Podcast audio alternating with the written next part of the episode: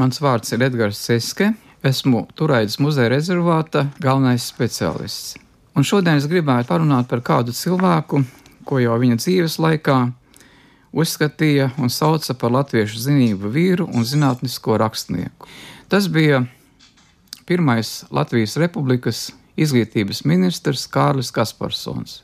Viņš dzimis Siguldas vēja krogā, šogad apritēja 27. oktobrī 156 gadi kopš viņa dzimšanas.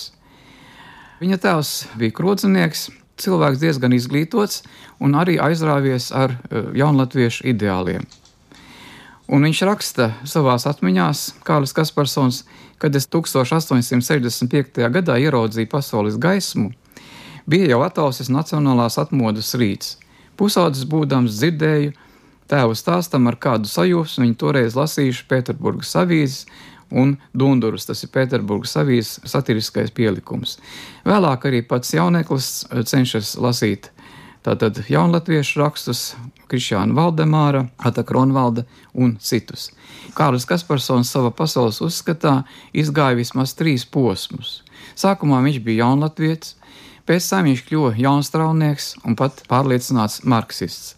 1888. gadā Kārlis Kasparsons mācīdamies Tērbatas universitātē kopā ar domu biedriem nodibina literāri zinātnisko latviešu studentu biedrību, kas vēlāk pazīstama ar nosaukumu Pīpkolonija.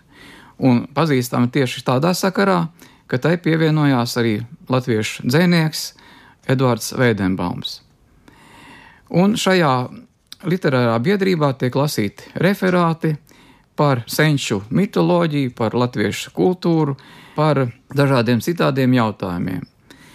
Un uh, jau šajā laikā Kārlis Kasparsons iegūst tādu encyklopēdiski izglītota cilvēka nosaukumu, jeb apzīmējumu.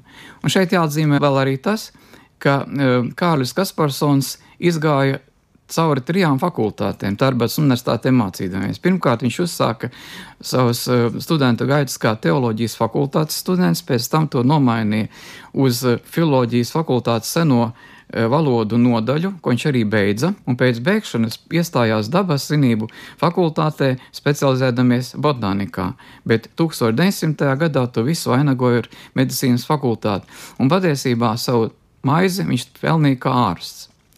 Tālākos gaitās viņš pievērsās jaunstrauniecībai, pievērsās marksismam Un uh, Feliks Silēns uh, Kārli Kasparsonu nosauc par latviešu marksisma tēvu. Nu, tas varbūt nedaudz ir pārspīlējums, bet nu, katrā gadījumā Kasparsons šajā laikā bija gan pārliecināts marksists, gan jau arī ateists.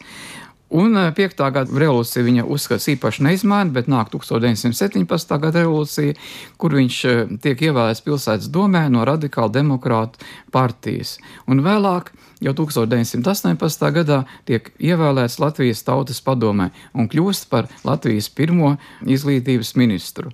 Bet seko veterānie lielinājumu laiku, seko 1919. gads. Un e, Kasparsona arestē, viņš nokļūst cietumā, kur mēģina izdarīt pašnāvību. Bet beigās Pēters Stučka, viņa tāds tuvākais biedrs, ar kuru viņam 1905. gadā ir bēguši no sūda ekspedīcijas, uzzina par viņa likteni, un viņš tiek atbrīvots ar nosacījumu, ka viņš vairāk politiskā dzīvē nepiedalīsies.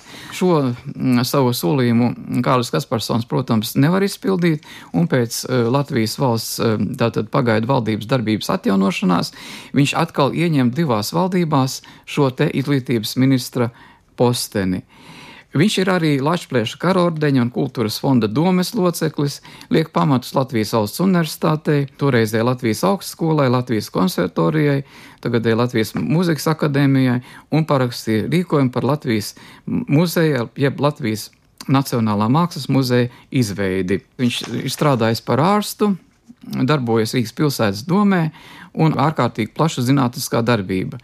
Eh, viņa interesēs ir bijis gandrīz vai universāls. Viņš izstrādājis publikācijas ne tikai bioloģijā, psiholoģijā, bet arī tādās nozarēs, kamēr medicīna varētu likties būt visai tāls sakars, piemēram, valodniecībā, mitoloģijā un tā tālāk. Viņa darbs par līdz šim maz pētīto seno ilīriešu tautu un tās valodas paralēlēm ar baltiem ir ieguvis starptautisku atzinību. Īpaši tiek augstu vērtēts Kasparsona ieguldījums latviešu medicīniskās terminoloģijas izveidē. 1944. gadā Sirmais zinātnieks dodas bēgļu gaitās, un 1962. gada 21. janvārī, 95 gadu vecumā, mirst Nīstades nometnē Kopenhāgenā. Nekrologā, kas ievietos Londonas avīzē, ir rakstīti šādi vārdi. Kasparsona jaunība iekrita tajā laikā, kad latviešu tautā bija milzīgas zināšanu slāpes, bet ļoti maz labi sagatavotu zinātņu darbinieku. Laikmets un tautas vajadzības prasīja apbruņoties ar enciklopēdiskām zināšanām, un tādas Kasparsonām par pilnām piemita. Viņš tā savāca savā darbīgajā dzīves gaitā, iedams tālāk pa mūsu pirmo enciklopēdistu, tautas atmodas darbinieku iesākto ceļu.